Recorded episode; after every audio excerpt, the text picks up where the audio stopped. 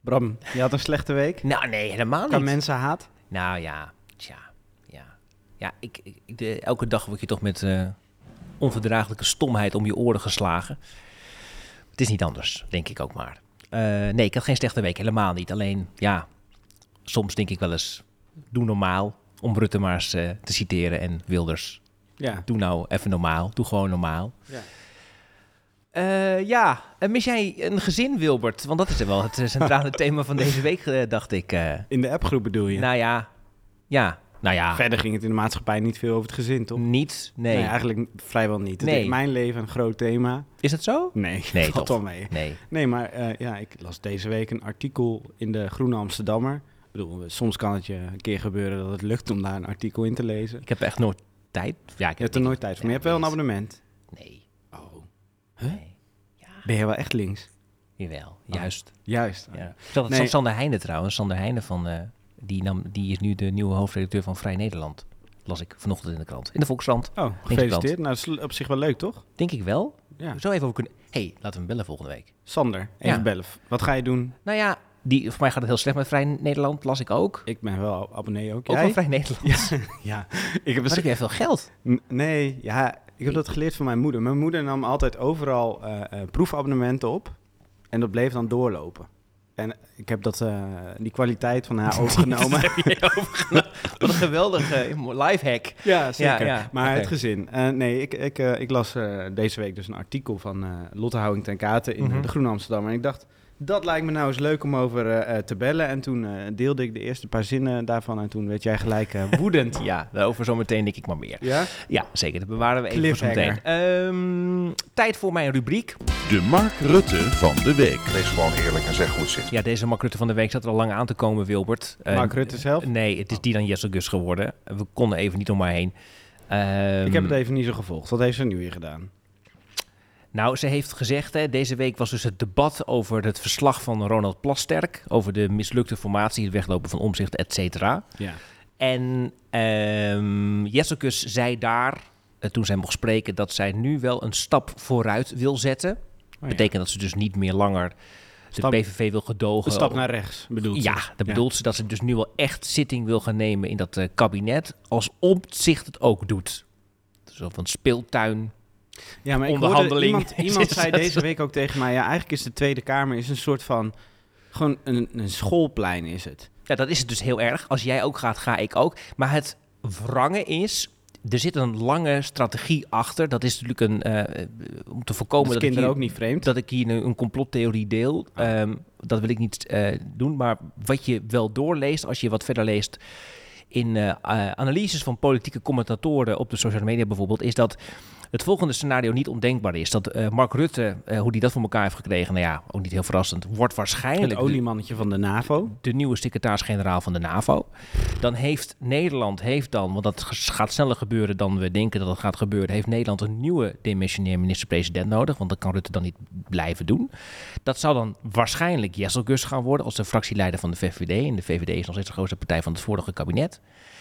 En dan is het dus eigenlijk al de minister-president, waardoor het eigenlijk de stap daarna logischer wordt dat je dat dan ook maar gewoon blijft in een volgend kabinet. Dus die hele politieke strategie lijkt al uitgedacht. En dat vind ik zo ik vind dat- ontzettend Mark Rutte, die nog steeds over ons heerst. Maar ik vind het ook mooi dat hij zich opoffert... door secretaris-generaal opoffert.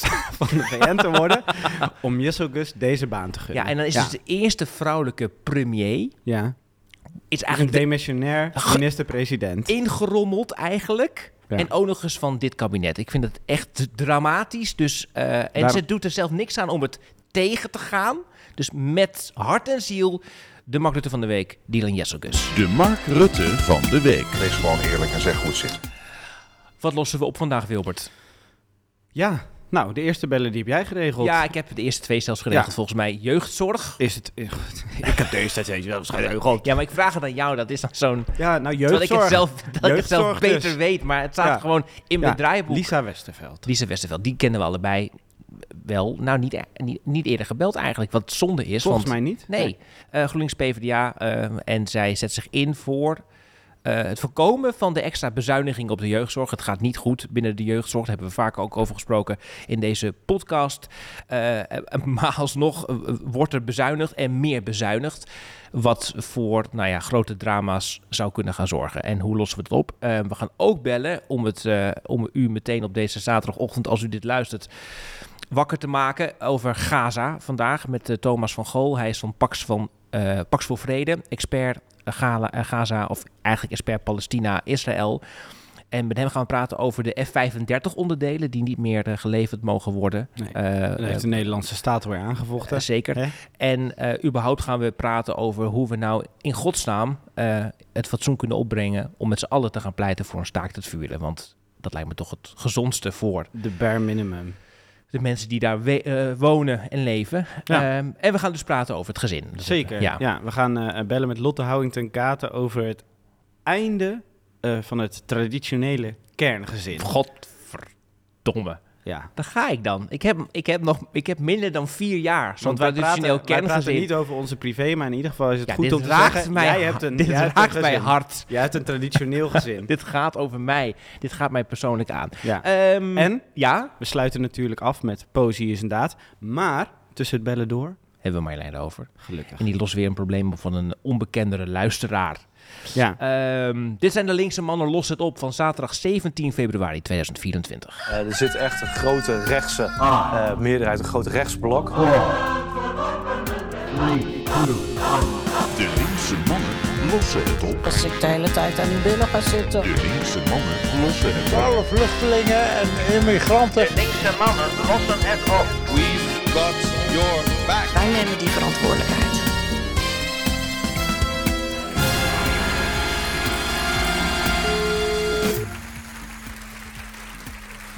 Hallo, goedemorgen. Goedemorgen Lisa, dit is eh, linkse man Bram. Ja, dat eh, had ik gezien op mijn telefoon. Ja. ja. En ik zit er ook bij. Dat is linkse man Ah, Wilbert. ja, hallo. Hey, hallo, goedemorgen. Ehm, Lisa, je zit in de trein, dat is een kleine disclaimer. Mocht er iets gebeuren met het geluid, dan komt het dus daardoor, maar je klinkt glashelder op dit moment. Ehm, Gelukkig. ja, we vergeten door de formatieperikelen nog wel eens dat er ook nog echte problemen zijn in Nederland. eh, zoals bijvoorbeeld in de jeugdzorg. Eh, wat is daar nu eigenlijk aan de hand? Want ik lees steeds over nog meer bezuinigingen. Ja, dat klopt. Ja, wat er in de hand, aan de hand is in de jeugdzorg, dat is denk ik wel algemeen bekend. Eh, enorme wachtlijsten voor juist de jongeren met de allergrootste problemen. Personeelstekorten, marktwerking nou, enzovoort. Ja. En ehm, iedereen weet dat. Hè? En er is een aantal jaar geleden al besloten dat het echt anders moet. Dus zijn, nou, is de staatssecretaris met werkgevers, met werknemers, met jongeren om tafel gaan zitten om te kijken, nou, wat kan ik nu anders gaan doen? Daar is een hervormingsagenda uitgekomen. Moeilijk woord voor Ja. eigenlijk plannen voor de toekomst om de jeugdzorg anders te maken. Dan Ja. moet een miljard op bezuinigd worden uiteindelijk. Maar het grote probleem, ja, de, hervormingsagenda kan ik ook een heel lang verhaal over houden. Maar het grote probleem is dat bovenop deze miljard aan bezuinigingen de zittende coalitie, dus de demissionaire coalitie Ja. eigenlijk, heeft besloten om nog eens 511 miljoen te gaan bezuinigen. Maar Lisa, die hervormingsagenda, eh, inderdaad een, een vrij verschrikkelijk woord, maar vooruit. Ja, van, precies. eh, ja. Een eufemisme. En even mis. 1 miljard bezuinigen als het niet goed gaat, klinkt toch ook als een slecht plan? Ja, daar kun je ook heel veel vraagtekens bij stellen. En ook of dit uiteindelijk wel wordt ingevuld. Hè? Ja. Maar het idee daarachter is, als we naar een beter stelsel gaan, Ja. dan kan dat uiteindelijk ook goedkoper. Want de kosten die gaan naar jeugdhulp, die worden steeds groter. Steeds meer kinderen, jongeren maken gebruik van jeugdhulp. Dat is inmiddels ongeveer 1 op de 7, terwijl het 20 jaar geleden nog 1 op de 26 was. En je kan je wel afvragen of alle problemen die bij jeugdhulp terechtkomen, uiteindelijk daar wel, wel horen. Ja. Dus op, op zich snap ik wel dat je wel gaat kijken naar manieren om die kosten in de hand te houden. Maar op dit moment ja, kan je daar natuurlijk ook al, ook al vragen bij stellen. Maar ons allergrootste probleem zit bij die 511 miljoen. Want daarvan weet gewoon niemand hoe je dat op een goede manier ja, echt moet invullen. Dus hoe je op een goede manier nog eens 511 miljoen weg moet halen uit dat stelsel waarin het al zo slecht gaat. Ja, en om een beetje een begrip te hebben van hoe, hoe groot zo'n bezuiniging dan is. Hoe, hoe, groot is het budget wat er überhaupt naar jeugdzorg gaat? Ja, ik meen ongeveer 6 miljard op dit moment. Oh, dus dus het is echt wel daar 6, vliegt dan een 7 kwart miljard, dacht af. ik. Echt fors. Ja, en als die met die miljard erbij, zeg maar, dan gaat er een anderhalf miljoen gaat er dan dus weg. Ja, dan, ja. Anderhalf miljard. Oh ja, Anderhalf, ja. excuus, Oh. miljard, ja, anderhalf miljard. Ja. God, ja. Ja. Wij zijn niet van de cijfers, hè, we zijn linkse mannen, weten wij veel. Ja, vijf voor wiskunde was al hoog. wij er wel van. ja, gelukkig wel. Dat, Ja. dat is vrij fors. Dat is, maar dat is dus een, een 500 miljoen is dan ook vrij fors extra. Ja, het is Ja. echt bizar. En, en, dit, en niemand vertelt ons ook hoe die bezuiniging in het regeerakkoord terecht is gekomen. Hè? Voor jullie beeld. Dan komt zo'n regeerakkoord uit en dan gaan wij dat lezen met onze beleidsmedewerkers. Dan gaan we puzzelen. Wat staat erin? Waar zijn we het mee eens, waar we niet? En toen zagen we dit. Mijn beleidsmedewerker ontdekte dat. En we zijn Ja. meteen eens gaan kijken, hoe komt dat nou vandaan? En hoe kan dat nou ingevuld worden? Ja, dan staan er in het regeerakkoord een paar opties. Dat is één, zorg voor een kortere behandelduur. En twee is een eigen bijdrage vragen. Mhm. Ja, één, eh, door deze twee opties haal je bij lange na geen 500 miljoen binnen. En twee, een eigen bijdrage vragen van jongeren die al zo in de shit Mhm. zitten. En ouders die soms natuurlijk helemaal niet eens zijn hè, met jeugdhulp die hun Nee. kind krijgt. Of die in armoede leven. Het gaat bovendien in tegen het internationale verdrag voor de rechten van het kind. Dus het mag niet eens, is mijn stelling. Dus, dus het kan gewoon niet worden ingevuld. Nou, zei de staatssecretaris eh, eh, niet lang geleden eh, van Ooyen dat deze bezuinigingen onverantwoord zijn. Dat zegt dan de Ja. staatssecretaris namens het demissionair kabinet. En toch Ja. lijkt het te gaan gebeuren, want de motie die jullie hebben ingediend om deze bezuinigingen tegen te gaan, is verworpen door het, zeg maar, potentiële nieuwe kabinet. Of tenminste de meerderheid in de Tweede Kamer op dit moment. Ik snap er geen reet meer van, Lisa. Nee, maar wij ook niet. Dat is precies het probleem. Want in de afgelopen jaren hebben we verschillende keren via moties natuurlijk, maar ook wel door natuurlijk lobbywerk achter de schermen hè, geprobeerd om met de staatssecretaris, met de, zeg maar, de zittende coalitiepartijen te proberen om die 511 miljoen van tafel te krijgen. En eigenlijk merkte ik dat iedereen het wel met ons eens is. Mhm. Want we weten, hè, ze weten niet, wij niet, maar ook de, ja, de staatssecretaris zelf niet, het ministerie zelf niet, hoe ze dit moeten invullen. En in de afgelopen jaren hebben we in de Tweede Kamer, dus Jesse Klaver heeft dat meteen al gedaan bij het debat over de regeringsverklaring, echt jaren geleden. Nou, vervolgens, eh, ja, dat is niet gelukt. Daar stemden toen de zittende coalitiepartijen Ja. tegen. Nou, volgens heeft Paul Rozenmuller in de Eerste Kamer een motie ingediend. Die zei, dit mag in ieder geval niet afgewenteld worden op gemeenten, want gemeenten zijn verantwoordelijk voor jeugdhulp. Mhm. Daar zou die bezuiniging komen te liggen. Nou, het bijzondere is, in de Eerste Kamer is die motie aangenomen. dus, dus het is nu voor het ministerie, die moeten dat oplossen. Nou, heeft de staatssecretaris een aantal jaar gekregen om dit op te lossen. Nou, hij, hij is elke keer ja, bij ons teruggekomen van... we hebben nog geen manier gevonden waarop we deze bezuiniging ja, ook kunnen invullen. Dus flink wat vertraging. En nu moet het vanaf volgend jaar al ingaan. Dus vanaf volgend jaar moet er al 500 miljoen bezuinigd Ja. worden. En daarvan heeft de staatssecretaris een brief naar de Kamer gestuurd... met een aantal manieren waarop je dat zou kunnen doen. En je kan een eigen bijdrage vragen van 1500 euro. Dan heb je de helft ongeveer ingevuld als je dat gaat vragen. Dus nou niet eens het hele bedrag. En je kan bezuinigen op de expertise netwerk voor kinderen die de meest specialistische hulp nodig hebben. Dat levert 26 miljoen op. Maar dit Ja, is natuurlijk ook bij lange na niet nee, het maar hele ook bedrag. sowieso. Maar gewoon, hoe kom je op zo'n idee? Oh, Ja. iemand heeft een probleem, die, die, die, daar moet voor gezorgd worden. Nou, eerst even 1500 euro afrekenen. Ja. Dat gaat toch Ja, nooit lukken? Ja, nee, dat gaat nooit lukken en dat weten we allemaal.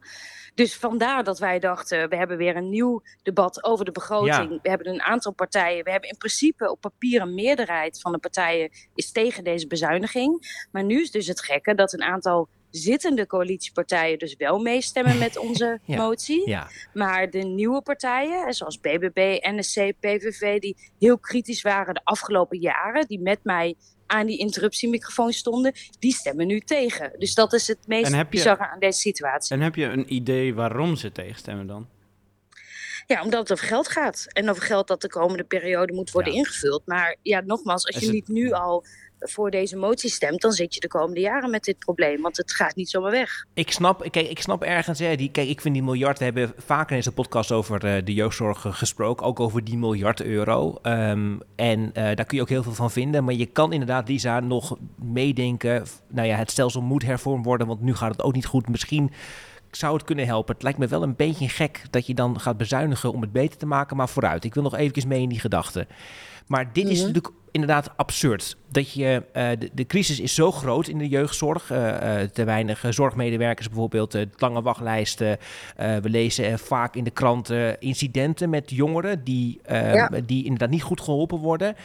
Ja. het is toch een appeltje eitje om te zeggen: dit kunnen we nu niet doen. Dit is een veel te gevaarlijke stap, gewoon ten koste van jeugd en jongeren.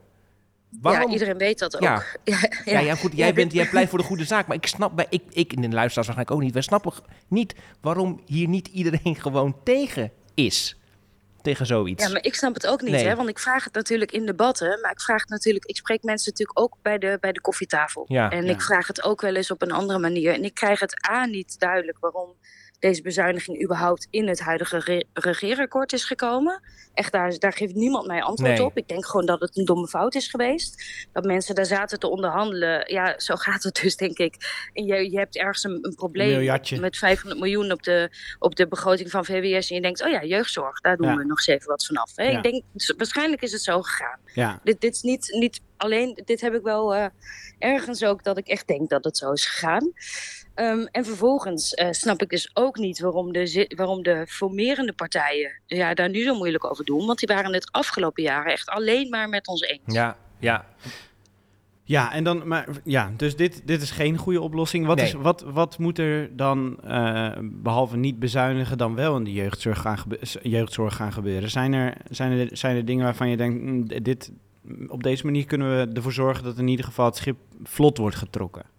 Ja, het idee is dus dat de hervormingsagenda dat eh, gaat doen. Dat, is- dat is een. eh, Maar die begint ja, met inderdaad, een bezuinigen. verschrikkelijk woord. Ja, Ja. Ja, die nee, niet helemaal. Dat, maar dan, dat is ook weer een ingewikkeld verhaal. Die begint ook eigenlijk met een reeks aan wat, aan wat investeringen. En tegelijkertijd een reeks met bezuinigingen. Dus je, je moet wel, het idee is wel, we gaan de komende jaren wat investeren om ervoor te zorgen dat we in ieder geval een goede stap kunnen maken. Mhm. Maar binnenkort begint ook al een reeks met een afloop aan, omdat uiteindelijk die hervormingsagenda een miljard moet opleveren. En ik denk dus dat die veel te ambitieus is. Dus ik denk niet dat je op korte termijn al kan beginnen met bezuinigingen. Ook omdat we al een personeelstekort hebben. En een van Ja. de grote problemen is ja, die wachtlijsten. Waardoor juist de jongeren met de meest ingewikkelde problemen niet geholpen worden. En marktwerking ligt daarbij onder, want het is eh, tussen aanhalingstekens goedkoper om jongeren met, met, te- ja, met lichte problemen, om, ik heb even geen beter woord, beter te, te helpen. Daar, daar verdienen organisaties beter aan. Dus je zou ook een veel grotere stap moeten maken om die marktwerking uit dat stelsel te halen. ja, dat lijkt me sowieso een heel verstandig idee voor heel veel takken in de samenleving om de marktwerking Ja. eruit te halen. Ja, Ja, zeker ja, de ja. publieke sector. Ja. Zeker. Eh, kunnen, wij, kunnen wij iets doen? Zeg maar wij in de zin van, want eh, die 511 miljoen euro moet niet bezuinigd worden. Kun je, kunnen we als burgers iets doen? Of als de, lu- de luisteraar van deze podcast kunnen ze iets ondernemen? Ja, er zijn eh, op zich. Hebben, weet iedereen dat het probleem is. Hè? En, Ja. en druk helpt natuurlijk altijd. En misschien zou het helpen als jullie eens een keer iemand van de formerende partijen uitnodigen. Ja, om ze uit te leggen waarom ze. Ja, want, want zijn- misschien vragen, dat ze zijn jullie wel nou aan mee bezig? willen Ja. uitleggen. Ja, Ja. God, godsnaam nu mee bezig?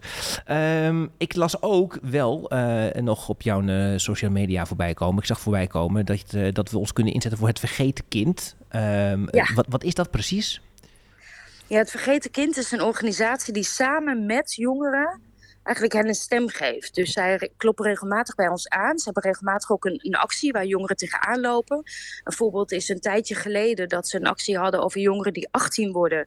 En als je 18 bent, dan val je formeel niet meer onder de jeugdwet. Dus formeel niet meer onder gemeente, maar val je onder zorgverzekeraars. En op het moment dat jij net met een behandeling bezig bent en je hebt net hulpverleners die je vertrouwt en je wordt 18 en je komt er opnieuw op een wachtlijst voor de GGZ of voor Mhm. beschermd wonen, ja, dan kunnen we op onze klompen aanvoelen dat dat weer tot nieuwe problemen leidt. Nou, dus daarover trekken ze aan de bel. Ze hebben nou zijn ze met een actie bezig dat ze zeggen jongeren in de jeugdhulp hebben ook aandacht nodig. Ja, personeelstekorten zorgen er natuurlijk voor dat de groepen veel te groot zijn, dat jongeren geen aandacht krijgen. En wat zij dan doen is met jongeren nou ja, ons brieven sturen, naar Den Haag komen, maar ook dit eh, in de samenleving kenbaar maken. Want nog veel te veel mensen denken bij jeugdhulp van ja, dat zijn jongeren die veroorzaken alleen maar problemen. En dat zijn ze natuurlijk niet. Het zijn jongeren die op de een of andere manier in de problemen terecht zijn gekomen. Bijvoorbeeld omdat er armoede is thuis. Bijvoorbeeld omdat hun ouders tijdelijk niet meer goed voor ze kunnen zorgen. Bijvoorbeeld omdat ze vastlopen. Bijvoorbeeld omdat ze soms traumatische ervaringen hebben meegemaakt. Mishandeling, misbruik zit daar vaak onder. Nou, ik vind het dus heel goed dat zo'n club juist Ja. samen met jongeren bij ons aan de bel trekt. Dus eh, wat wij kunnen doen, dat gaan we doen, is dat we gaan zorgen nou ja, dat, we ons, dat we moeite gaan doen om iemand van de formerende partij hier een keer gewoon aan de telefoon te krijgen om te vragen. In dit specifieke geval waarom dit nou eigenlijk zo gaat zoals het gaat. En eh, mocht u thuis iets anders willen doen, dan kunt u eh, het vergeten kind opzoeken. Ja. En wellicht daarvoor iets betekenen. Dankjewel Lisa voor je tijd. Goeie reis verder. Ja, graag gedaan. Kijk. En ik ga luisteren als jullie iemand van de formerende partij aan in jullie podcast hebben. Want ik ben net zo benieuwd als jullie. Ja, wij zijn heel benieuwd. Ja, Hey, ja, dankjewel, Lisa. hoi. Yes, graag gedaan. Ja, wie gaan we dan bellen? Eh, we kunnen eh, Caroline proberen. Dat kan zeker. Ehm, ja, dat lijkt me. Ja, we kunnen Pieter weer proberen, maar dat lijkt me een. Die is waarschijnlijk, druk. die is denk ik druk. En ja, de VVD heeft ook niet echt vrienden zitten op dit moment, volgens mij. Nee. Ik denk dat we dan bij Van der Plas uitkomen. Ja, Wie nou, weet. we kunnen ik, proberen, ik, ik, toch? ik heb maar, ik kan dan zo even appen. dat heb ik nog nooit gedaan. Lijkt me wel Ik gezellig. heb geen enkele reden zijn toe jullie gehad. nu? En dan, ja, ja, en Ik dan heb vragen... Wel vaak gesproken, moet ik zeggen, toen ik daar werkte. Het altijd eigenlijk wel, zeg maar zo, één op één is het altijd wel een goed gesprek mee te voeren. Maar ik moet wel zeggen dat op basis van wat ik zie voorbij komen, ik nu toch wel moeilijk vind om me daar toe te verhouden, zeg maar. Ja, snap ik. Goed dat je luistert naar de linkse mannen trouwens. Leuk. Ehm, niet onbelangrijk om te zeggen, hè Wilbert? Want eh, als je je ook zorgen maakt om de schuurrechtse wind in, de land, in het land en de wereld... abonneer je dan op onze podcast en volg ons op Instagram. En wil je echt inzetten voor de strijd? Steun ons dan via petje.af.com, petje.af, petjeaf.com...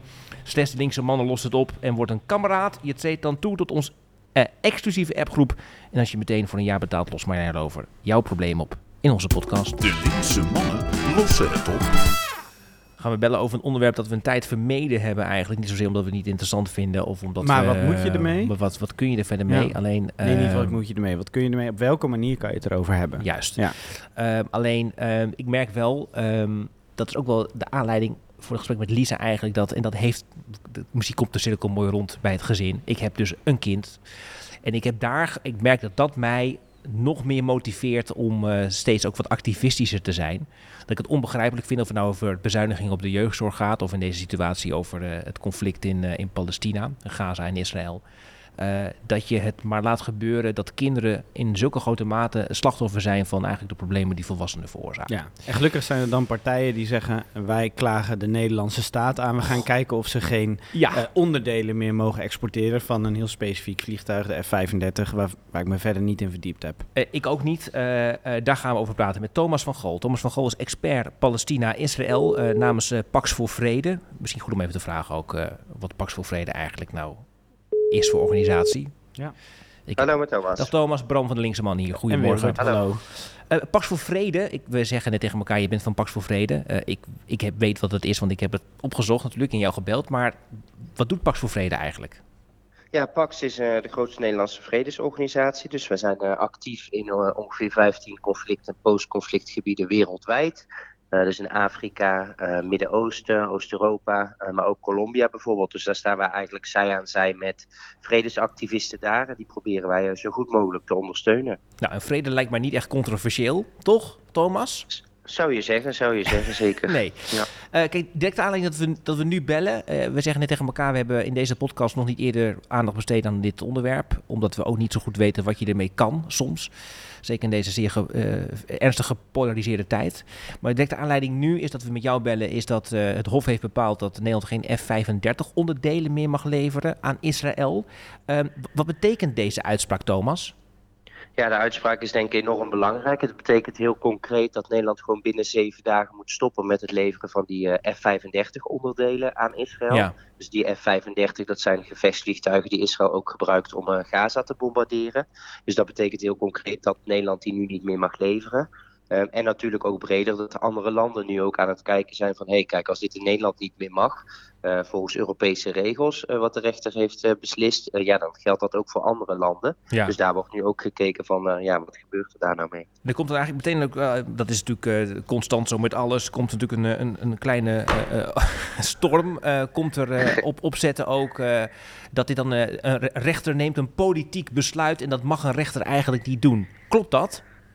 Nee, helemaal niet. Kijk, we hebben natuurlijk de trias politica in Nederland gelukkig, waarbij de rechter eh, kan toetsen. En de, rechter heeft in dit geval getoetst aan internationale verdragen waar Nederland ehm, ja, zich aan te houden heeft, die Nederland ondertekend heeft.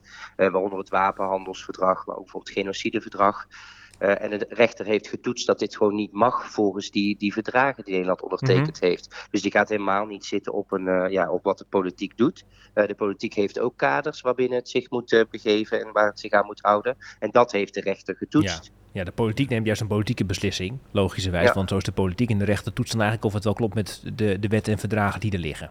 Ja, precies. Ja. ja. En dit gaat dan om die F-35 onderdelen. Waarom F-35 onderdelen? Uh, omdat Nederland uh, heeft de, een zogenaamde F-35 hub hebben wij hier in Nederland in uh, Woensdrecht, waarbij meerdere landen gebruik van maken, waaronder Israël. en de VS is daar natuurlijk ook een belangrijke partner in. en we zien dat het is naar buiten gekomen dat, dat die F-35 onderdelen, dus ook na 7 oktober, um, ja, naar Israël zijn blijven gaan. Dat Nederland die blijft leveren. Uh, dat is een bewuste beslissing ook geweest van de minister. Uh -huh. Dus die heeft verschillende belangen afgewogen. Uh, van willen we dat, ja, wat schaadt het eventueel onze relatie met de VS, met Israël? En die heeft toen de beslissing genomen om die onderdelen te blijven leveren. Terwijl wij heel duidelijk hebben gezegd en vinden, en dus nu gelukkig ook gelijk hebben gekregen, dat dat gewoon niet mag. dus vandaar dat die rechtszaak om die F-35 onderdelen is gegaan. En gaat Nederland zich daaraan houden, Thomas? Ja, zeker. Dus uh, ook de minister uh, heeft de afgelopen dagen uh, meermaals gezegd dat ze zich eraan gaan houden. dus dat ze binnen zeven dagen gaan stoppen met het leveren. maar ze hebben ook aangegeven helaas dat ze in cassatie ja. gaan. Uh, dus ja, dat is een, weer een hoger beroep eigenlijk. Hè? Ja.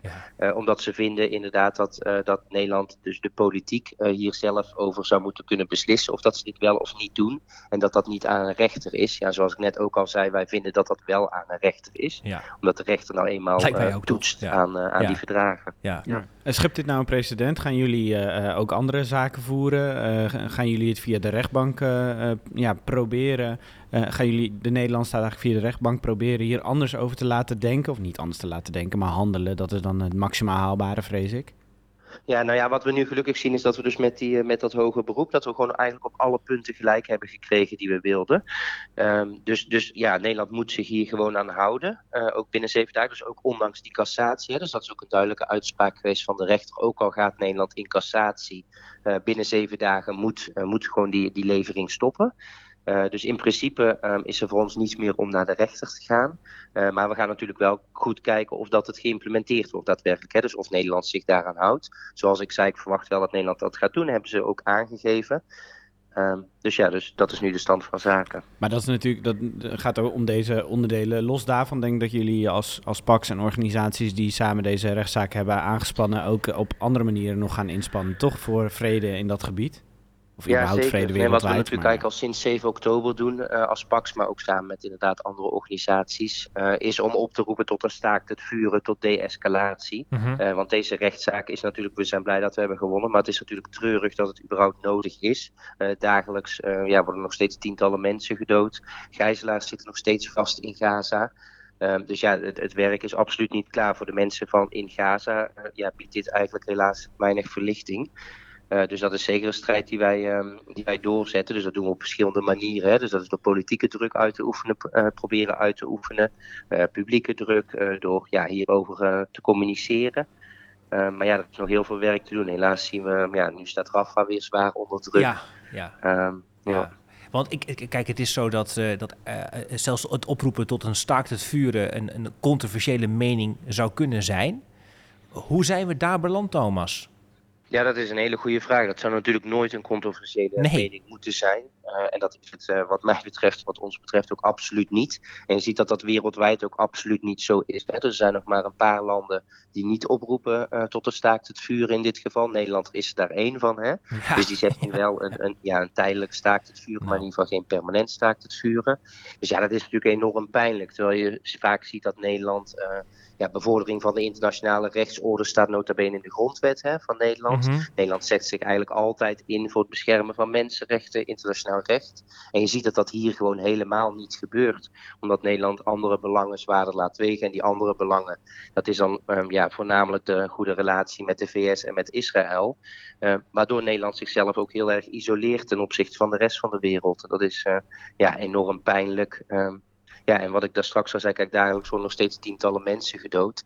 De gijzelaars zitten nog steeds vast. Ja, dat zijn echte mensen en echte levens. Ja, nee, dat uh, absoluut. Heel, ja, ja. ja, want het, en, en eigenlijk is het dus zo plat dat de belangen of de relatie die we met Israël hebben als Nederland dan en met de Verenigde Staten die wegen belangrijker dan het feit dat er dode kinderen op straat liggen in Gaza.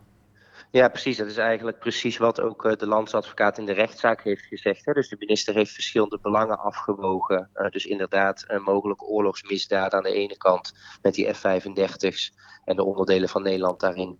en aan de andere kant inderdaad andere politieke belangen, waaronder de goede relatie met de VS en Israël en een betrouwbare partner te zijn in dat F-35-programma. Dus dat is inderdaad wat Nederland tegen elkaar afweegt. En dat ja, het is enorm pijnlijk. Dat zou natuurlijk nooit de bedoeling kunnen zijn. Nee.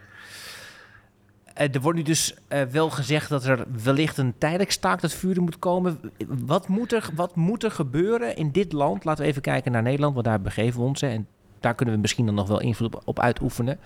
Dat ook de Nederlandse regering uiteindelijk dan wel demissionair, dan zometeen missionair op gaat roepen tot een staakt het vuren. Ja, nou wat er, wat er moet gebeuren is druk van verschillende kanten. Hè? Dus het is natuurlijk heel belangrijk. Kijk, ook als je uh, opiniepeilingen ziet, dan zie je dat een veruit een grote meerderheid in Nederland vindt dat er onmiddellijk een staakt het vuren ja. moet komen. Uh, dus het is heel gek dat de politiek dat niet overneemt. Uh, dus er zal vanuit de Tweede Kamer uh, druk nodig zijn. Nou is die verhouding ook niet heel fijn momenteel.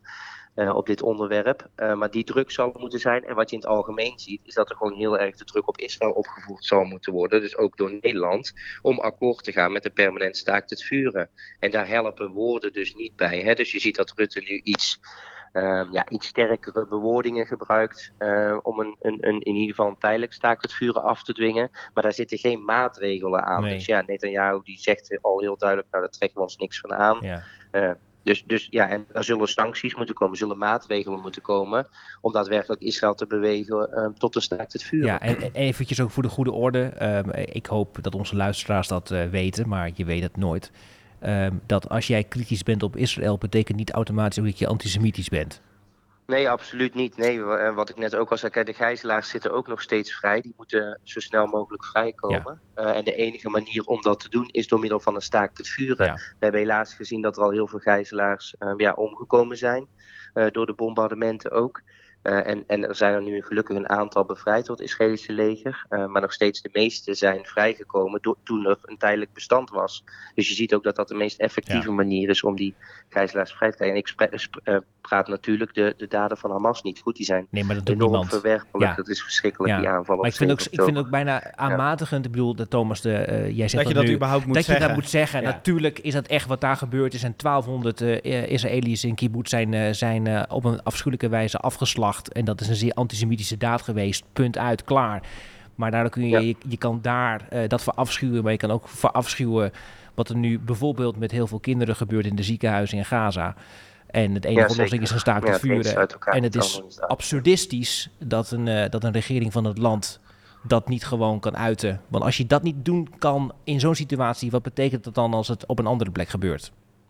Ja, precies. En dat is natuurlijk enorm pijnlijk hier. Kijk, we hebben dat, die internationale verdragen, die ik daar straks noem, dat internationale ja, rechtsorde, die is gemaakt om overal met een, een, dezelfde lens naar te kijken.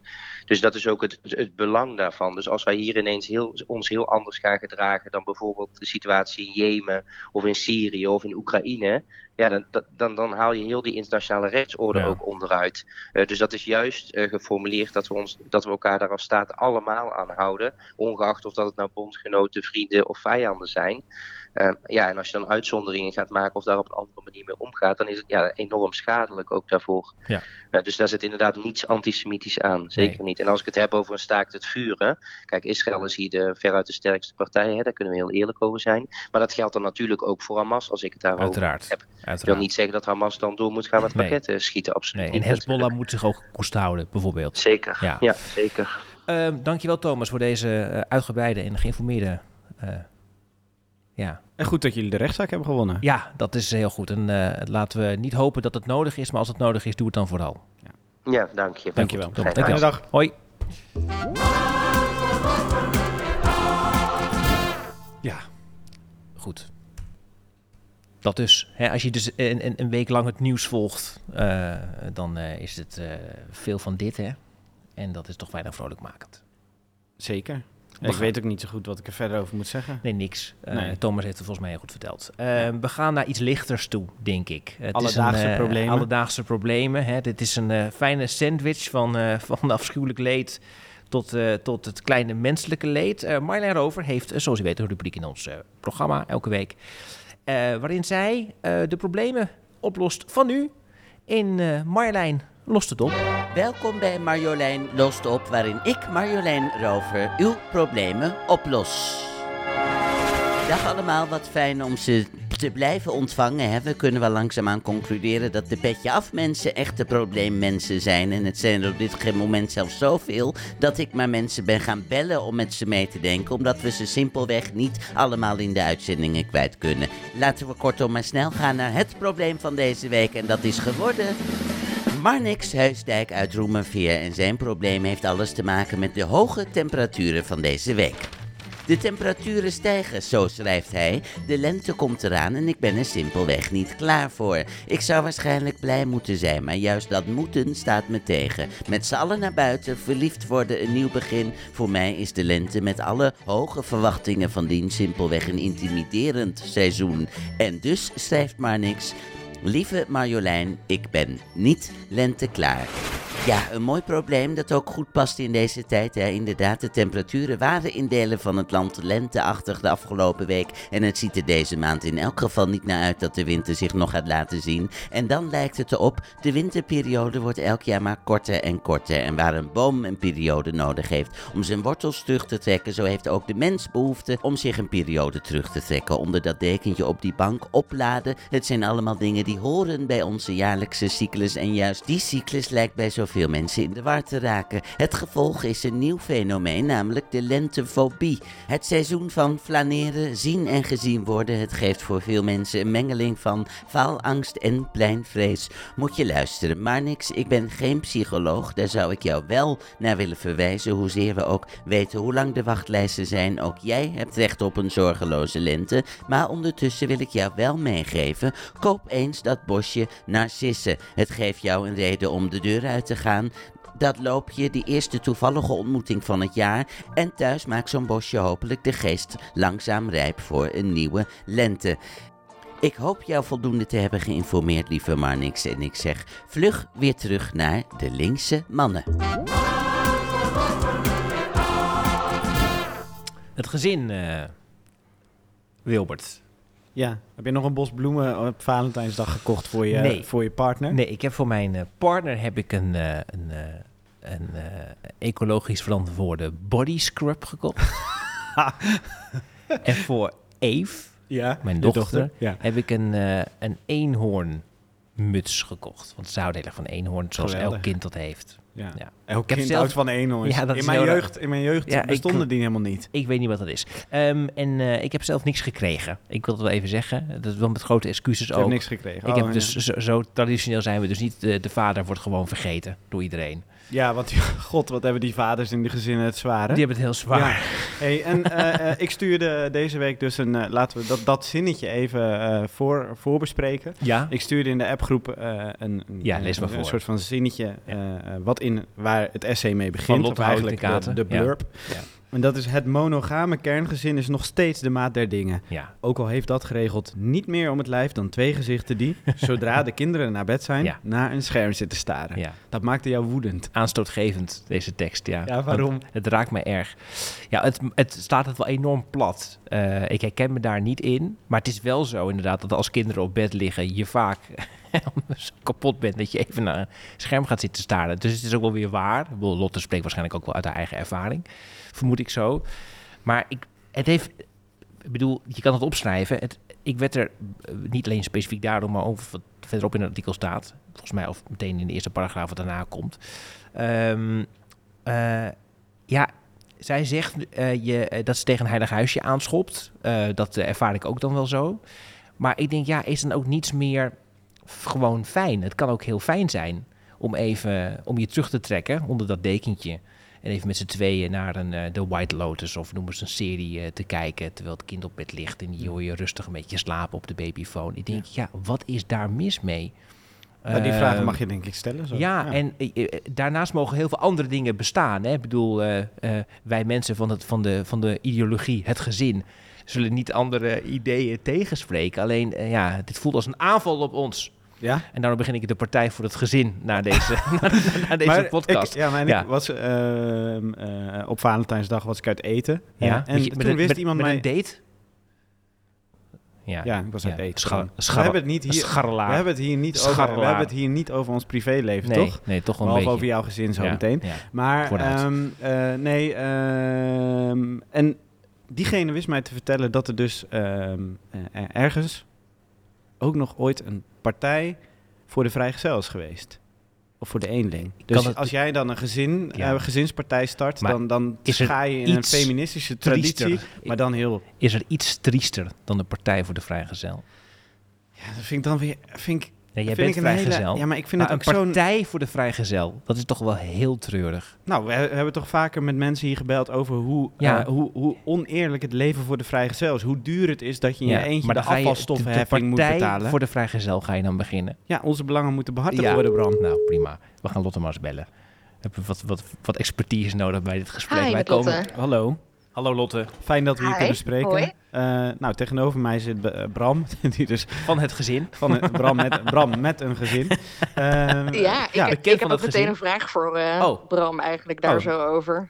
leuk. Spannend. Ja, Want, maar voordat je die vraag stelt, lijkt me heel goed Ja. dat jij eigenlijk gelijk begint met vragen stellen in dit gesprek. Ik heb daar veel zin in. Mhm. Ehm, eh, we hadden het er net wel even over die eerste paar zinnetjes. Die, die maakte eh, Bram dus in ieder geval... eh, eh, ja, hij kwa- kwam in aanraking met emoties, altijd mooi.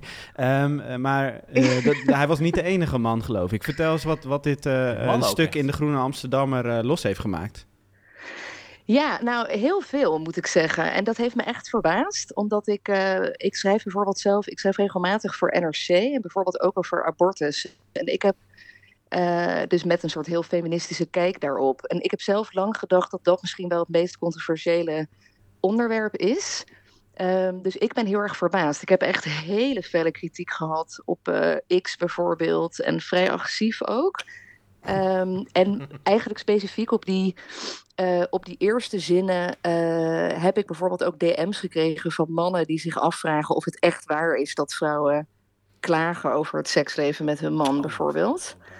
Ehm, horen jullie mij nog goed? Ja, zeker. Ja, ja, ja. we zijn allebei Oh, flabbergasted. Ik verwerk het alleen allemaal. Jullie Meteen, zijn gewoon ja. nu al in shock. Nou, dat heeft mij namelijk, eh, dat, dat, eh, dat eh, verbaasde mij dus best wel echt heel erg. Eh, ik denk dat vrouwen daar sowieso vrij veel over praten. Ehm, maar daar, volgens mij spreekt daar dus een bepaalde angst of onzekerheid uit. En ik heb dus het idee dat daarom misschien sommige reacties ook toch echt wel eh, vrij agressief waren. Dat heeft, ja, het, het heeft mij dus echt verbaasd. Ja. Maar goed, ik ben dus, ik ben dus heel benieuwd waarom, waarom Bram dat bijvoorbeeld... eh, Nou, niet daarom, Eh, waarom- Lotte. ja? Dat seksleven, dat is niet een... nee, ik, het, het ging mij meer om... ehm, eh, ik dacht een beetje nou en. Ik herken natuurlijk... voor- Jij bent ook moeder toch, Lotte, of niet? Zeker. Ja, Ja. Dus ik, ik bedoel, je strijdt ook uit eigen ervaring, geloof ik. Dus je, ik herken heel erg dat gevoel van je, je, je bent heel druk in eh, om eh, acht uur, half negen liggen de kinderen op bed. Nou, zit je Dan zak je de serie in. zak je de serie met een dekentje in. Maar ik had zoiets van, ja, ik denk, ja, nou ja, eh, eh, ehm, ik ervaar dat niet als iets ehm, vervelends.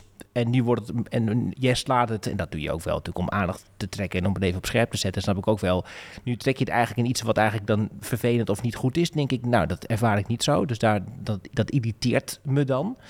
Ehm ehm, ehm, nou, laat daar beginnen. Ik heb nog een ander punt, maar dat is eigenlijk voor later in het gesprek. Dus dit is, eh, dan maak ik het iets politieker. Eh, maar dat is waarom ik, waarom ik daarop aansloeg. Niet zozeer omdat eh, dat ik me zorgen maak over een seksleven of wat dan ook. Dat is niet de hand. Nee, maar, Nee. maar wat ik dan wel meteen belangrijk vind om te zeggen is dat. ik, ik kan me voorstellen dat dat irriteert. Maar natuurlijk de veel belangrijkere zin die daarop volgde, is niet dat een getrouwde vrouw klaagt over haar seksleven, maar is het feit dat ze daarna zegt dat ze mij als alleenstaande moeder pas echt zielig vindt. Ja, dat en is... daar ja, gaat ja, het om. ja. Dus het, het is wat, en, maar dat is zo interessant, omdat volgens mij is de mythe of de norm van het gezin zo dwingend dat, ehm, dat als ik daar zoiets over zeg, jullie eigenlijk zeg maar meteen op een soort achterste, achterste poten staan. Terwijl ik denk dat je als alleenstaande ouder, dat je dus dagelijks wordt geconfronteerd met vooroordelen. Jij bent zielig, jij hebt het heel erg zwaar, jij hebt geen man. Eh, en daar eh, maak ik me heel Mhm. erg boos over. Ja, want het, het, het, artikel draait natuurlijk inderdaad daarom, maar voor een deel ook over het, uh, niet het ontmaskeren van het gezin, maar het wel aangeven. jongen, jongen, nee, jongen, jongen. Deze taal moeten we. Maar, maar wel over um, uh, uh, dat, dat het gezin heel veel dingen is die we eigenlijk, die we eigenlijk niet, niet zo goed zien, zoals bijvoorbeeld een hele belangrijke economische eenheid. Kan jij, kan jij wat ja. meer vertellen over een soort van alle dingen die het gezin is, waar we misschien niet zoveel aandacht voor hebben? Ja, ik denk, daarbij vind ik dus vind ik twee dingen, of misschien drie, vind ik het belangrijkst. En dat is inderdaad dat het kerngezin in ons kapitalistische systeem natuurlijk dus dat het een heel heldere economische functie heeft, namelijk het oppotten en overerven van bezit en kapitaal. Dus je zou kunnen zeggen dat een soort eigen volk eerst dat dat zich precies in het gezin, hè, alles, alles voor de eigen kinderen, alle, alle tijd en geld voor de eigen kinderen. Um, dus dat is, een, dat is een eerste functie. Uh, daarnaast is inderdaad, en dat is hier aangelieerd, is de functie, en dat hebben feministen natuurlijk hè, al decennia geleden heel duidelijk hebben ze dat gesteld, dat de belangrijkste functie van het gezin is eigenlijk sociale reproductie. En dat houdt in uh, nou ja, het baren en verzorgen van kinderen. Eigenlijk om een nieuwe generatie arbeiders en consumenten, kunnen we inmiddels natuurlijk stellen, uh, eigenlijk voort te brengen. En daarnaast is het gezin een soort ja, een soort zogenaamd warme of veilige haven waar, waar mensen eigenlijk, nou ja, waar je zou kunnen zeggen dat arbeiders eigenlijk tot rust komen door het kijken van al die tv-series en ze de dag daarna weer lekker aan de bak uh, gaan. Uh, dus dat is een heel, uh, dat is een heel eigenlijk een soort socialistisch-feministische kijk erop. en dan, nou ja, en die, die sociale reproductie wordt dus echt in overgrote mate door vrouwen verricht. Um, en daarbij speelt dan ook mee dat het gezin dus die zorgtaken eigenlijk privatiseert. Uh, dus dat het iets, uh, hè, dus dat bijvoorbeeld het verzorgen of het koken voor de eigen kinderen, dat dat allemaal eigenlijk dan thuis moet gebeuren. Terwijl je, maar goed, daar komen we misschien later in het gesprek op. Je zou kunnen afvragen of dat niet ook meer collectieve taken zouden kunnen zijn. Uh, en ik denk als laatste, dat, dat is eigenlijk iets wat ik in dit essay niet meer kon schrijven, omdat, omdat de, de goede dag dat ik al nou ja, dat het al tot zoveel ergernis zou leiden. Dat, uh, dat het een beetje too much zou zijn als ik daarnaast ook nog zou zeggen dat het gezin natuurlijk ook een eenheid is die consumptie uh, maximaliseert. Dus ook de, het idee dat ieder, uh, ieder huis een eigen wasmachine moet hebben, een eigen auto, een eigen tv. Uh, nou ja, dat is ook iets waar je vraagtekens bij kunt stellen. En daarin zou je zover kunnen gaan als zeggen dat er dus ook een relatie is tussen het leven in een kerngezin en de klimaatcrisis. Waarvan akte? Bram trekt wit weg. Nee, nee ik zie Bram, ik zie Bram, Bram, eigenlijk. Nee, ik zie Bram vrij veel meeschrijven, knikken, meeschrijven, meeschrijven, meeschrijven ook. En het, volgens. Want, want, heel veel. Ja, want. Uh, dit maar ik heb ook kritische vragen hierover voor nou, de orde. Maar ja, oh, nee, nee, mag nee, ook nee. iets. Nee. Um, ja, um, ik, waar moet ik beginnen? Want ik vind het heel interessant deze, uh, hoe je dit aanvliegt. En dat vond ik ook wel in, je, in de essay dat je hebt geschreven. Um, uh, want uh, wij als linkse mannen zijn natuurlijk zeer voor een minder kapitalistische wereld. En als het gezin bijdraagt aan een zeer kapitalistische wereld, moeten we zeker goed gaan onderzoeken hoe we dat minder kunnen maken. Um, uh, dus uh, als jij zegt over het gezin als eenheid dat vrij veel consumeert, ik denk dat dat eigenlijk wel, de, dat slaat wel de spijker op zijn kop. Als ik kijk in de straat waar ik woon, ik, ik, in die zin ben ik uh, de, de, ultieme salon-socialist. Want ik woon in een straat waar de bakfietsen ook voor de deur staan. zie je inderdaad dat, ja. dat, dat mensen leven heel erg met hun gezin samen. Eén, twee, drie kinderen. Uh, en uh, ja, alles is van hunzelf. Hè. Dus uh, sommige gezinnen hebben zelfs twee auto's voor de deur. Eentje voor de vader, eentje voor de moeder, bij wijze van spreken. Um, dus ik herken dat zeer. En dat er wordt ook eigenlijk geen vragen over gesteld. Het wordt niet als een probleem gezien. Terwijl nee, dat nou, in het is ook de standaard, toch? Zo'n voorbeeld standaard, ja, in, ja. wat in het stuk staat dat de, de standaard receptuur altijd voor vier personen is, bijvoorbeeld. Ja, dat is heel waar. Ja, nou heb ik, heb, ik, heb ik dan geen twee kinderen, maar één kind. Maar dat herken ik inderdaad, ja. ja. Dan heb je de volgende dag nog lunch. Ja, nou, dat is wel waar. Dan heb ik er mee. Nee, neem, neem ik er mee, heb ik lekker eten. Um, dus volgens mij is het, is het dan, zou het inderdaad gezond zijn om daarover na te denken. Dat je ook, uh, uh, dat, je, dat, het inderdaad, dat dat minder normaal wordt, toch Lotte? Dat is niet zo'n rare gedachte mm -hmm. volgens mij. Maar ja, nee, dat... volgens mij zeker nee. niet. Maar dan is dus, hè, dat, dan is, is dus de vraag of je uh, als je dus denkt dat, dat die consumptie, dat dat misschien, hè, dus dat dat minder uh, alleen binnen het gezin moet, zou je dus kunnen afvragen of de bijvoorbeeld zorgtaken die binnen het gezin worden verricht, of je die niet ook collectiever zou willen maken. Ja, en hoe ziet, hoe, en, wat, zou dat, wat zou dat dan betekenen, Lotte, collectieve zorgzaken binnen het gezin? Nou, er zijn natuurlijk voorbeelden uit de geschiedenis waarin, hè, bijvoorbeeld, ik vind, ja, kijk, ik vind zelf, dus voor mij als, als alleenstaande moeder, dit is Mhm. een beetje mijn stokpaardje. Maar ik bedoel, als je en zelf een dag hebt gewerkt en je hebt een kind van de crash gehaald, dan is Mhm. voor mij om dan ook nog te koken, terwijl ik tegelijk aan hem aandacht wil besteden, dat is eigenlijk niets te doen. Nee.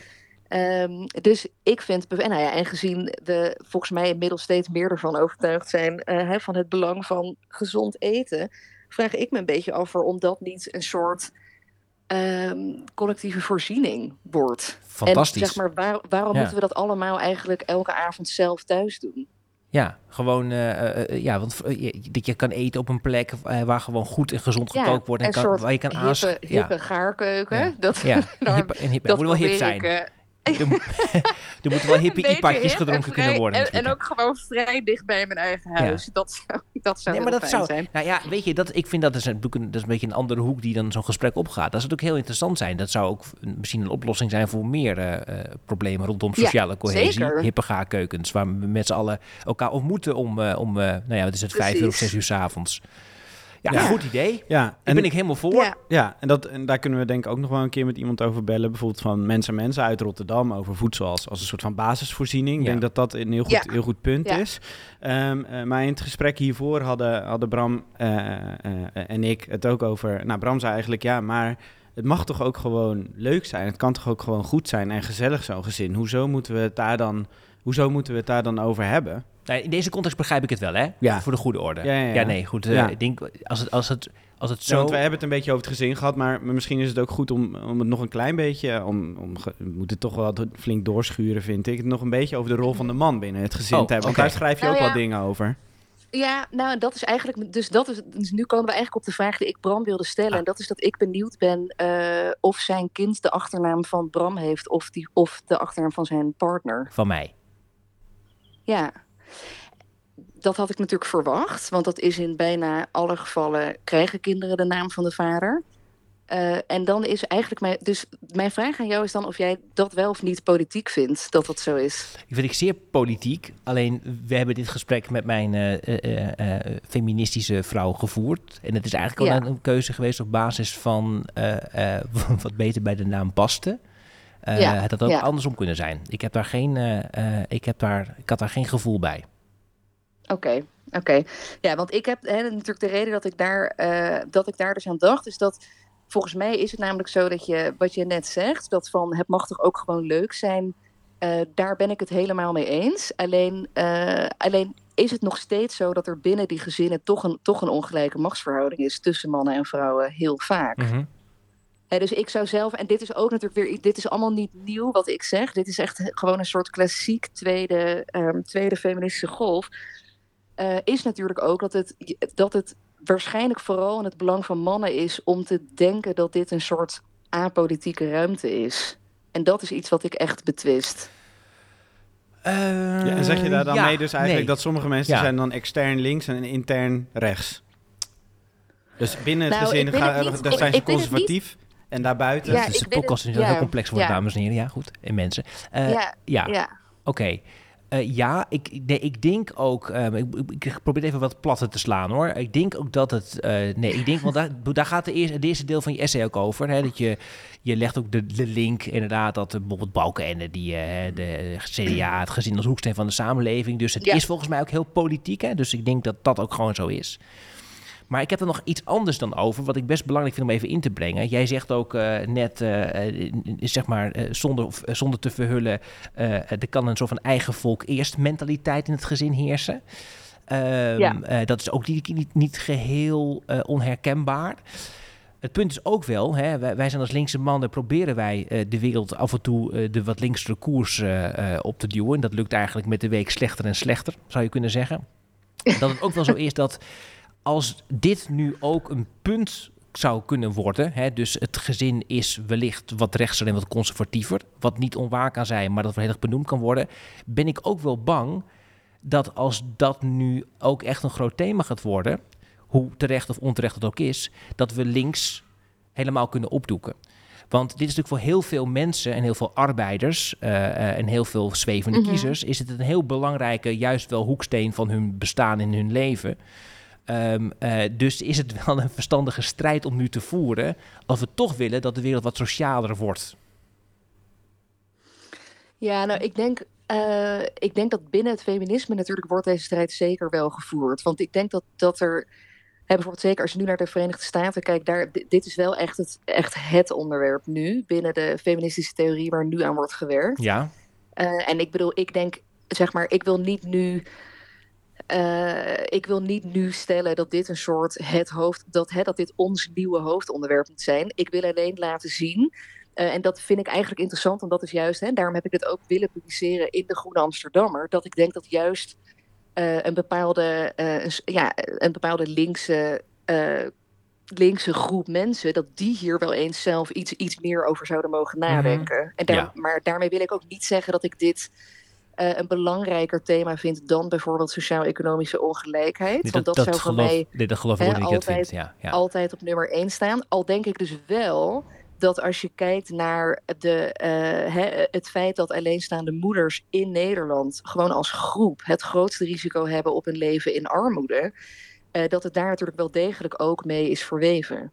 Ja, maar is het dan, komt dat door, het komt door dat, we, dat het gezin eh, als belangrijkste politieke eenheid wordt gezien. Dat is eigenlijk jou, wat je betoogt in jouw essay. Ja, Als zeker. ja, ik bedoel, ja, eh, absoluut. Het is, Ja. ik bedoel, volgens mij weten we ook allemaal dat het veel voordeliger is om gewoon s- om, om, om bijvoorbeeld samen te wonen. Dat dat, is ik bedoel, dat, dat, dat, dat staat ook even los van de ideeën die je er verder over hebt. Dat is natuurlijk gewoon ontzettend, eh, ontzettend reëel. Ja. En laten we het dan misschien, eh, want wat, wat interessant aan dit gesprek is, is denk ik dat nou, Bra- Bram en ik praten eigenlijk bijna nooit in deze podcast over ons eh, privéleven. Maar dat we ook denk ik moeten beseffen dat het privéleven en de privésfeer ook politiek is. Net als de publieke, het publieke deel van de samenleving. Hoewel ja, Bram dan weer gelijk gaat zuchten. Ik dacht we kunnen niet- afronden. Nee, maar niet altijd. Want dat maakt het dan zou het ook wel alles. Dan wordt het wel heel ingewikkeld het leven ook. Ik denk dat, volgens mij betoog Lotte, dat, dat er in de manier hoe het benaderd wordt, het politiek is. Maar ik denk dat, ik hoop echt van harte, tenminste, dat geldt echt niet voor mij. Dan moet je maar, moet je maar geloven dat het bij ons thuis verder niet politiek is. Hoe we, de, hoe we de dingen hebben verdeeld. Dat dingen ook verdeeld zijn op basis van andere waarden en gronden en redenen. Dan dat, eh, dat ik vind dat de, dat de man meer moet werken. Of dat, eh, of dat, dat eh, mijn dochter mijn achternaam moet dragen. Dat is echt niet aan de hand. Eh, dat ik maar wel dat is geen hebben. beschuldiging. Nee, maar dat, als je zegt van dat het ook thuis politiek is, ja, dat is dus. Dat ik, ik, daar Nee, herken ik, bedoel- me dus helemaal niet Nee, maar ik had het meer over dat we hier in deze podcast niet over onze, eh, niet veel over Nee. onze privé spreken. Oké. Terwijl dat dus ook wel politiek is. Het was geen aanval op jouw gezin, Bram. Dat het maar even gezegd mag worden. Lotte, jouw maar ik reactie. moet wel, ik, ja, ik ga nu toch wel echt even inbreken. Want ik bedoel, ik dacht dat we toch in de jaren zeventig heel duidelijk eh, allemaal overtuigd waren geraakt van het feit dat het persoonlijke absoluut politiek is.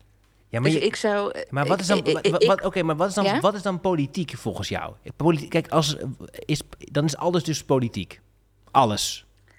Ja, ik, bedoel, ik, ik ben echt eh, zeg maar van top tot teen feminist. Dus ik Mhm. ben daar absoluut van overtuigd dat dat Alles zo is is. En dat is ook de keuzes die je thuis maakt. Dat, dit zou, het zou natuurlijk heel raar zijn om te denken dat wanneer je de voordeur dicht doet, dat we dan plotseling in een soort, eh, in een soort apolitieke ruimte bestaan waarin. eh, waarin machtsongelijkheid ineens geen rol meer zou aannemen. Ik denk ik, ook dat we ja. weten uit de hele, dis- de hele discussie die er is over consent en seks bijvoorbeeld, dat we weten dat natuurlijk machtsverhoudingen die er in de publieke ruimte zijn, dat die er in de, thuis in de slaapkamer, dat die er absoluut wel zijn. Ja, ik denk Dus ik- misschien. ja, dus ik denk. Ja, Ik vind, het ja, is een hele interessante Ja. verschuiving binnen links. Hè? Dat je dus ehm, dat we daar toch dus de afgelopen decennia, denk ik, ik bedoel, eh, dat we daar dus ja, toch misschien minder van, van overtuigd geraakt zijn. Of ons veel meer, hè, ook binnen het feminisme, is dat een hele belangrijke verschuiving.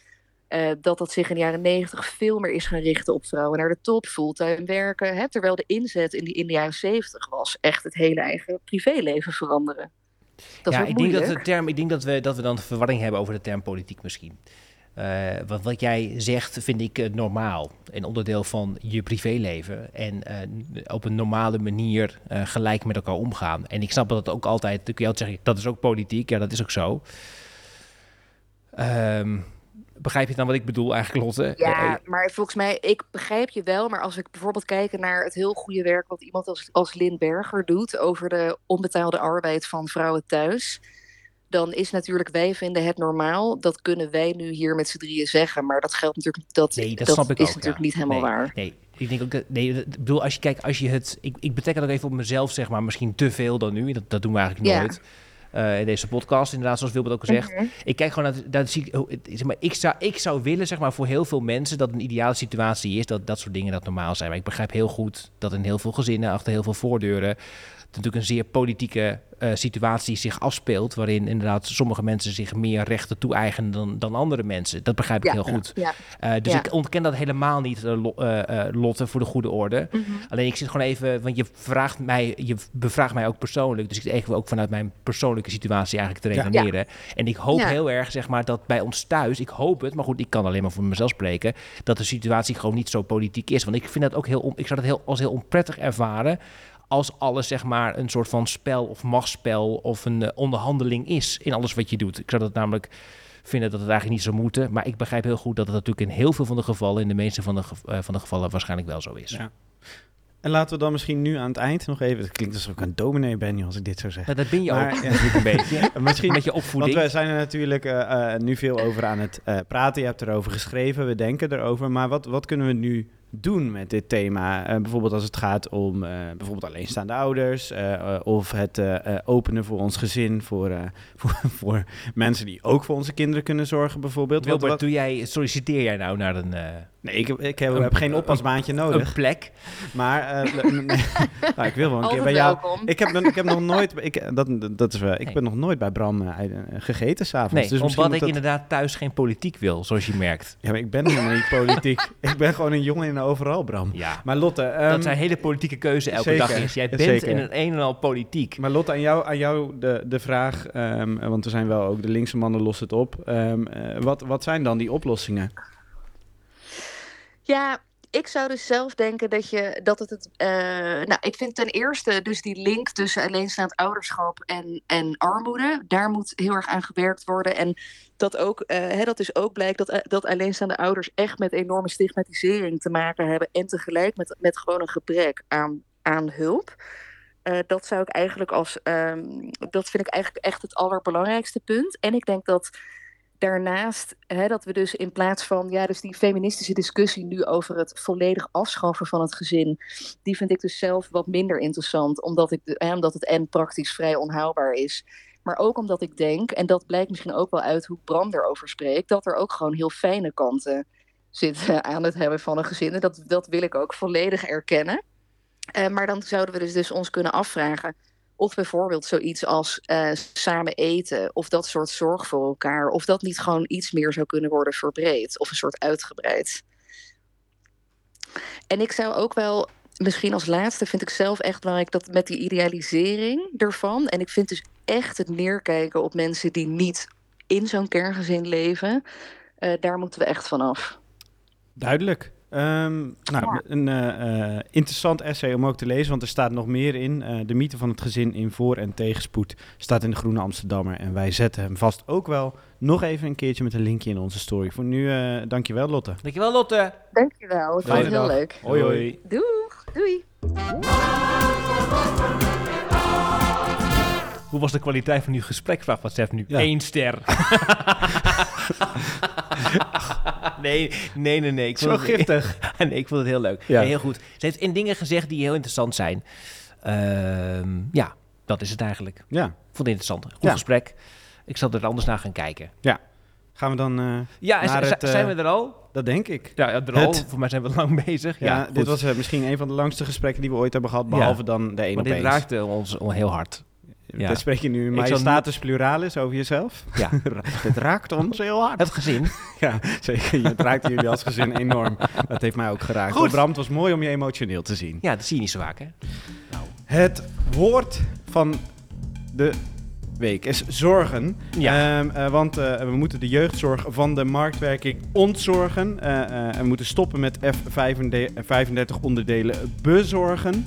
Ehm, en überhaupt moet er natuurlijk gewoon een staakt het vuren komen. Op zijn minst tijdelijk, maar gewoon definitief lijkt me eigenlijk een stuk beter.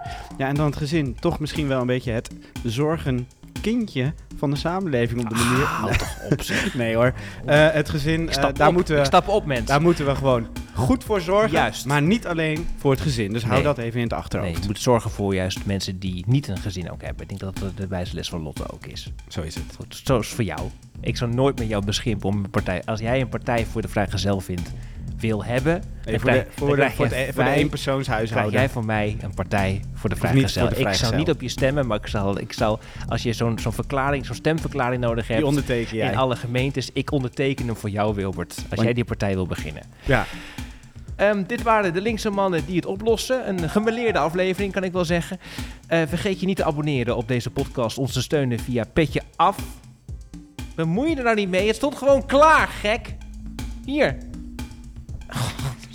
Het stond gewoon klaar. Dit knippen we eruit. Nee, dit stond niet klaar. Je was nog in het gesprek met Lotte. Oh. Ik dacht, ik kan jou even helpen. Ik kan jou even, dit waren kan de- voor jou zorgen. Het zit niet aan mijn telefoon. dit waren de linkse mannen die het oplossen. Vergeet je niet te abonneren op deze podcast. Ons te steunen via Petje Af. En onze website te bezoeken, delinkse-mannen.nl voor veel meer oplossingen. Voor veel meer problemen. Tot volgende week. Maar eerst... Nee, tot volgende week. Moedig voorwaarts. Maar eerst een gedicht van Poëzie een Daad. eh, voorgelezen door Stefanie Librex. En het is van Simona Atangana Bekono. Hallo, Stefanie hier van Poëzie is een Daad. Ik ehm, hoorde vorige week Simone Atangana Bekono een gedicht voordragen uit haar nieuwe bundel Marshmallow. En daar was ik diep van onder de indruk en ik had het onthouden als een gedicht dat ging over eh, keurslijven. De keurslijven van dochters vooral. En nu las ik het net terug en blijkt het over heel andere dingen te gaan. Of over ook heel andere dingen te gaan. Maar dat is juist wat het zo'n goed gedicht maakt. Het heet Bouche d'Or slash Kitty. Ik geloof nog steeds gewichtig in al mijn goden, maar belangrijker nog, al mijn meesters hebben geduld met mij. Ik ontdekte helemaal geen man, maar een ampersand, en dus perfect, en daarin bruut. Ik kniel en ben ondanks mijn weerzinwekkendheid zo puur van binnen als een slachtoffer. Ik heb mijn hele leven nooit iets fout gedaan, dus bel me niet. Ik ga alleen nog om met losers zoals ik die op hun eigen tenen zuigen, huilend in hun eigen wonden poeren, wachten op de klap en ruiken naar tin, reuzel, roet. Het is nu eenmaal wat het is. Toen de wereld zich in haar slaap omdraaide, trokken onze goden bij ons in om ons koest te houden. Ze liefkozen ons en draaien jointjes van honderd briefjes uit de kassa, heel puur allemaal. En best prima na dit alles. Ze steken ook zo nu en dan hun goddelijke vingers in onze monden, roeren kirrend van vertedering rond en rond, en wij kokhalzen, eerbiedig en een beetje schalks op hun goddelijkheid, omdat wij nu eenmaal losers zijn en dankbaar. Zelfs als we tot de nok, tranen in onze ogen als ze verder duwen, onze kelen overlopen, tot soms ook vragend dat we trucjes doen, we braken oprechtheid op, Juist dan duwen ze door, tot hun oksels en handen verdwaald in de smeltkroes van de organen. Juist dan ballen ze hun vuist rond iets wat zelfs mijn lieveling nooit aan heeft kunnen raken. Juist dan stoten ze lager, dieper en ik huil van godvrezende extase. Ik huil tot ik gloei en omvorm, mijn kern uitzet als een pit, me om mijn goden heen vorm, de puurste transformatie. Hoe goudgeel ik dan gloei al dat goede dochterschap. Zo diep dat ik het niet meer kan opbrengen. Niemand gloeit zo godvrezend in dit circus als ik. Zelfs niet iemand ooit in een heel normaal appartement. In een bed, een slaapkamer, met een lieveling naast zich. Niet lammerlijk of vezelig of voedzaam meer, maar de beweging makend van iemand die moet en zal leven. Hoe griezelig hemels ik me open s'avonds, wijd open, als een afvoerput of een bloem. De linkse mannen lossen het op.